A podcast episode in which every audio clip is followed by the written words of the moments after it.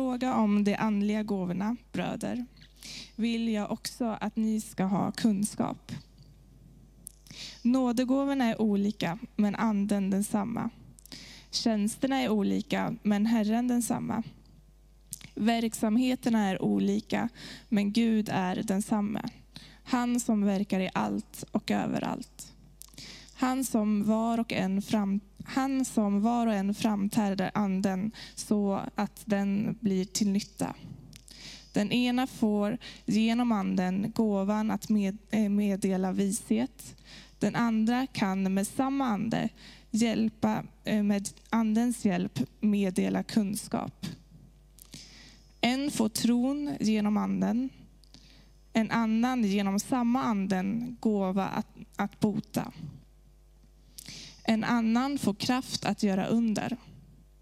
En får förmågan att tala profetiskt. En annan att skilja mellan olika andan. En, ande, en, en kan tala med olika, olika slags tungotal. En annan kan tolka tungotal. Allt detta åstadkommer en och samma ande genom att fördela sina gåvor på var och en så som den själv vill. Ty liksom kroppen är en och har många delar och alla de många kroppsdelar bildar en enda kropp så att den också med Kristus med en och samma ande har vi alla döpts att höra till en och samma kropp. Vare sig vi är judar eller greker, slavar eller fria.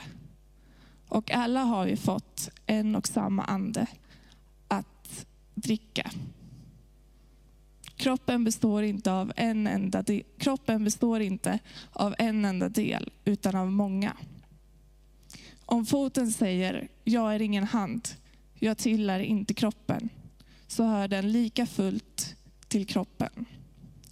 Och om örat säger, jag är inget öga, jag hör inte till kroppen, så hör den lika fullt till kroppen.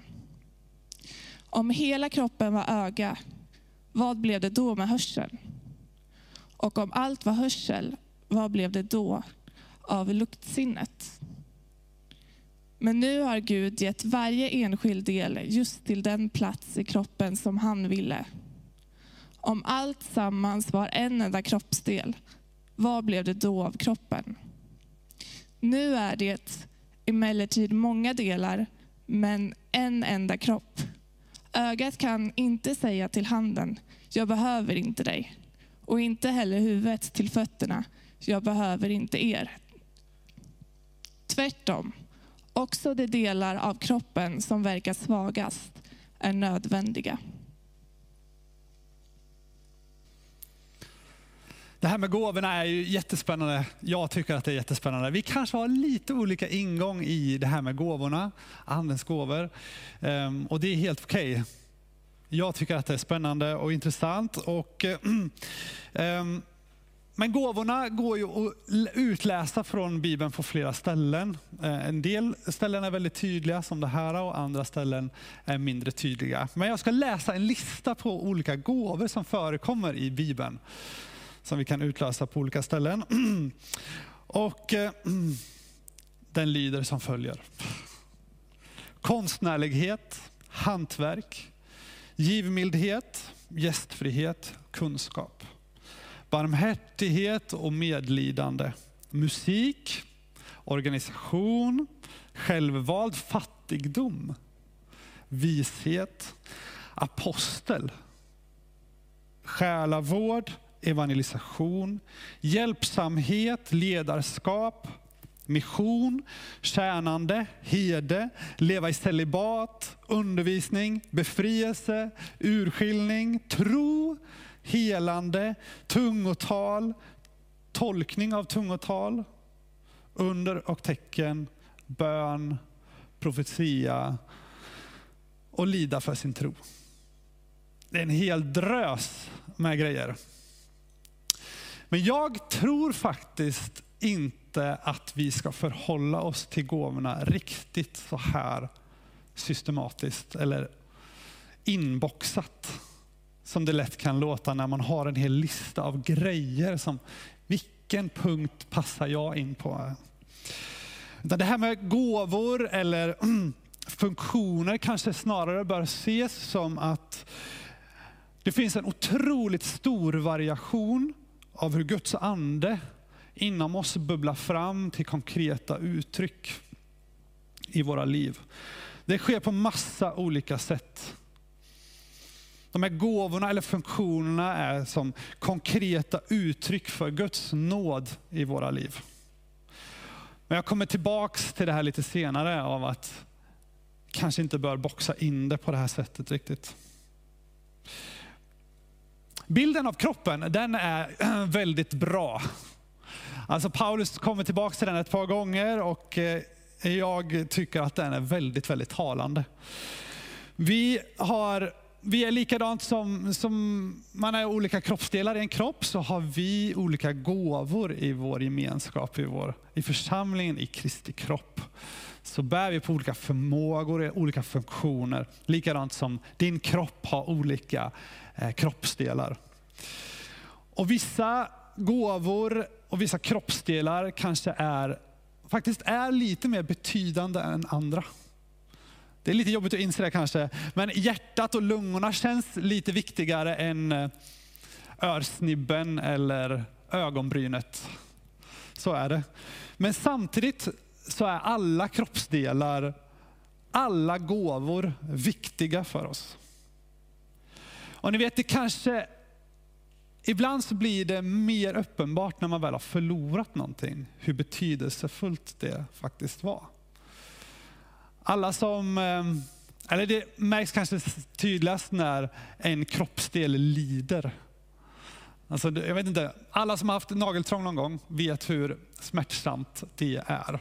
Och att man har svårt att tänka på någonting annat än att man vill att det där tån bara ska funka som det är tänkt, som den har gjort tidigare och bli av med den här smärtan. Och fram till dess är det svårt att tänka på någonting annat.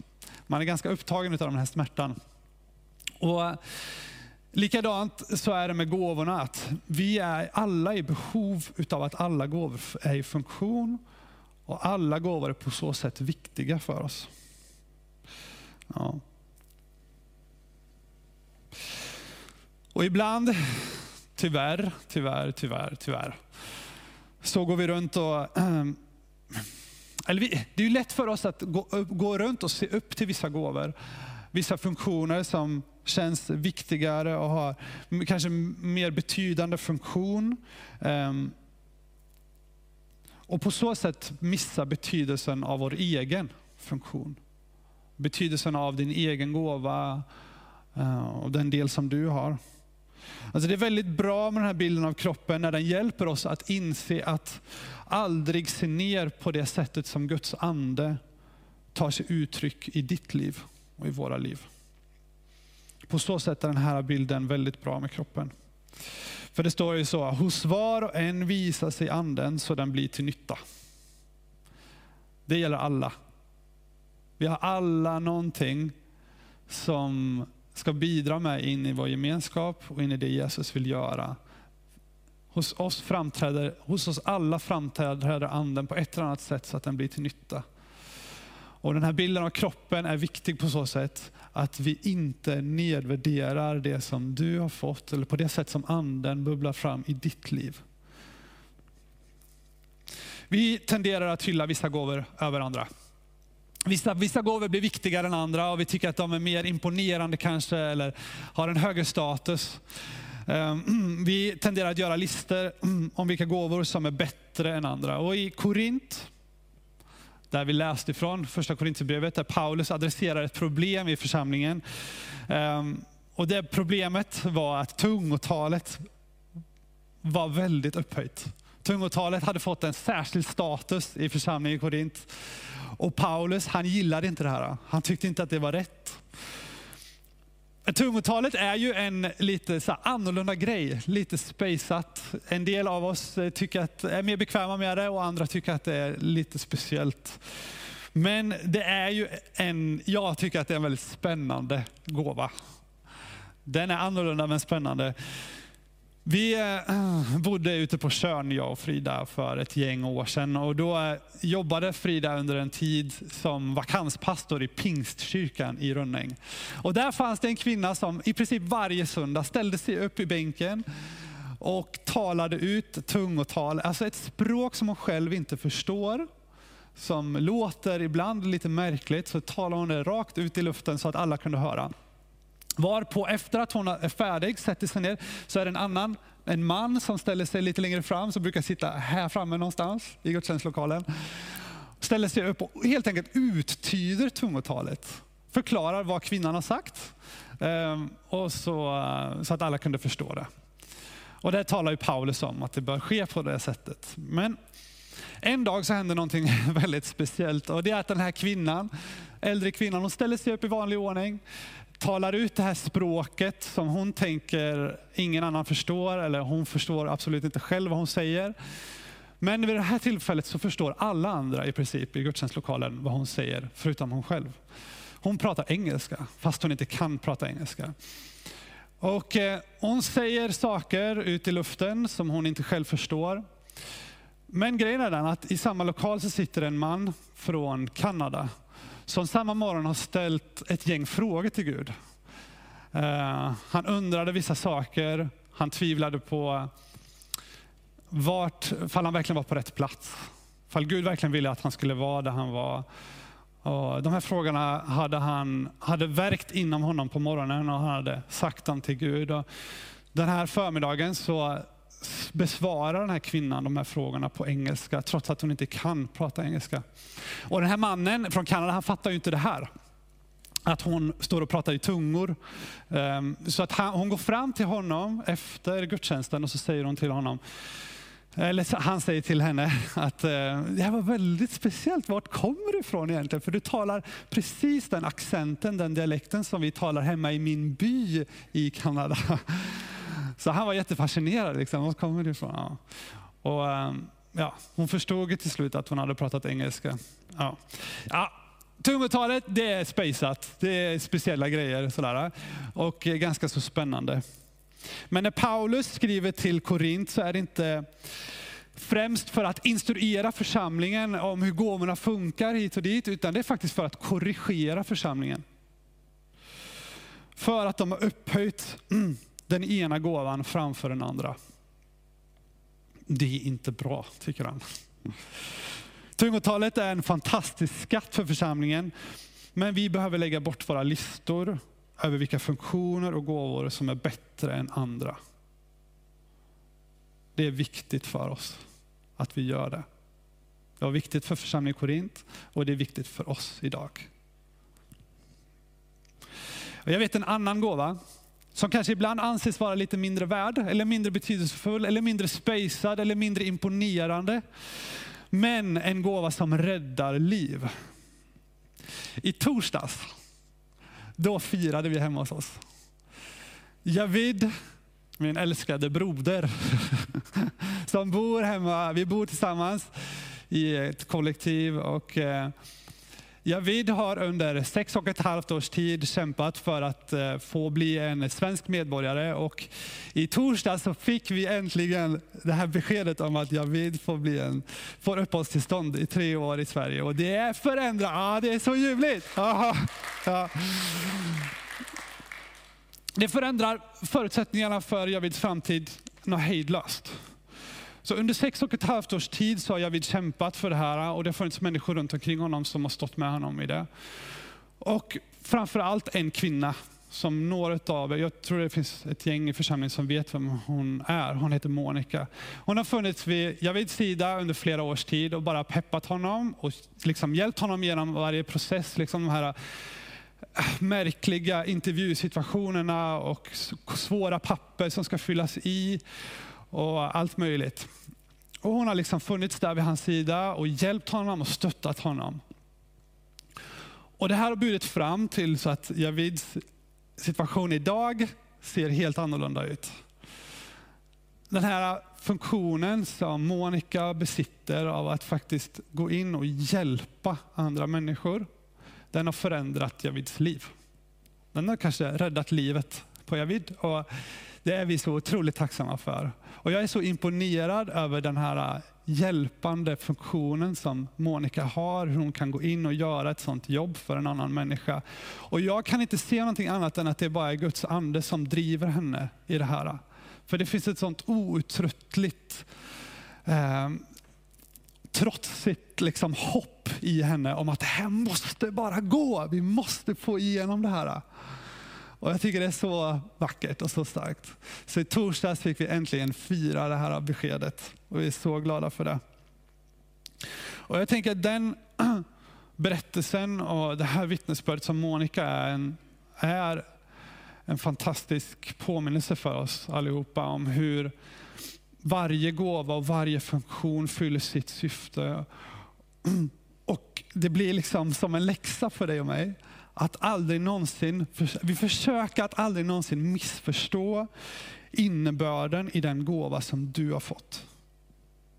Se inte ner på den, utan bekräfta den och var tacksam över den. Det här hjälpandet räddar människors liv och din gåva, det du bär på, den har också samma kraft fast på ett annat sätt än Monikas. Ja.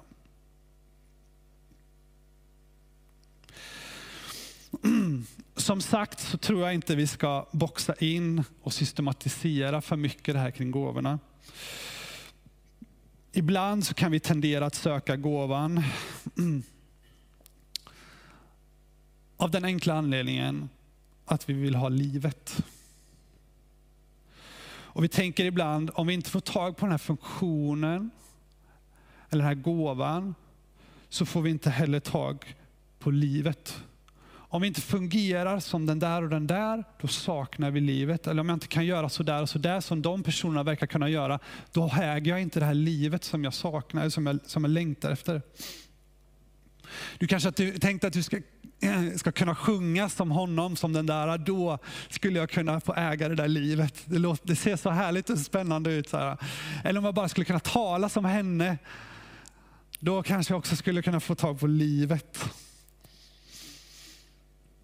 Mm. Men allt det vi egentligen söker efter och längtar efter, det finns i Jesus. Och att helt enkelt vara med honom. Där finns livet, där finns upprättelsen för ditt liv, där finns mening, där finns kraften, där finns ljuset i ditt liv och där finns bekräftelsen. Vi kan inte söka de här sakerna i en viss gåva eller viss funktion, även om det är superspännande med de här gåvorna. Jag älskar det, jag tycker det är så härligt och så inspirerande för min relation med Jesus. Att det faktiskt är så att han vill sätta mig i funktion och ge mig gåvor att kunna betjäna och vara med i det han gör på ett jättekraftfullt sätt. Men själva livet och upprättelsen och friheten och bekräftelsen finns i någonting annat och det är gemenskapen med Jesus. Inte i själva funktionen eller gåvan. Hmm. Gåvan den kan vara som en länk mellan dig och Gud. Som till exempel tungotalet. Den kan hjälpa oss att ha den här relationen med Gud. Den fungerar som en länk. Eller mina gåvor kan också vara som en länk mellan Gud och andra människor. Som till exempel hjälpandet eller helandets gåva. Att kunna be för en annan människa och förmedla ett helande till en annan människa. En fantastisk länk mellan Gud och en annan människa genom mitt liv. Så spännande. Otroligt. Eller när någon kan sjunga på det sättet så det bara tränger in hela vägen in i hjärtat.